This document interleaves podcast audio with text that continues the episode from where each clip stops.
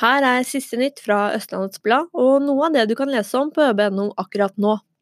Ikea blir påført milliontap etter Vestby-vedtak.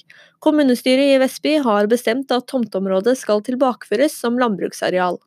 Statsråd Jon Georg Dale har tog, men vil ikke bruke dem, fordi han frykter halvtomme tog. Tuva Moflag mener at det ikke holder som argument.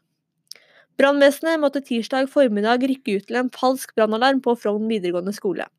Nå raser brannvesenet. De synes det er tullete å rykke ut til det som beskrives som tullemeldinger. Og Follo HK de har planene klare. Det som ofte skjer når lag rykker opp, er at man blir veldig kortsiktig. Det sier sportslig leder Knut Haaland. Han sier at nedrykk ikke er noe alternativ.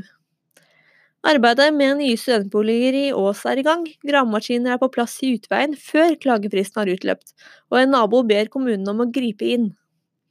Takkonstruksjonen på nye Ski stasjon begynner å vise sine former.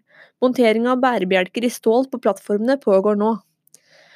Og kontrakten for svømmehallen på Langhus er i boks. Nå starter arbeidet med å utforme svømmehallen.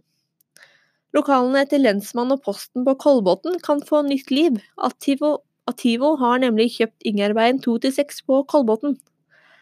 Siste nytt fikk du av Natalie Christiansen. Ha en fin kveld.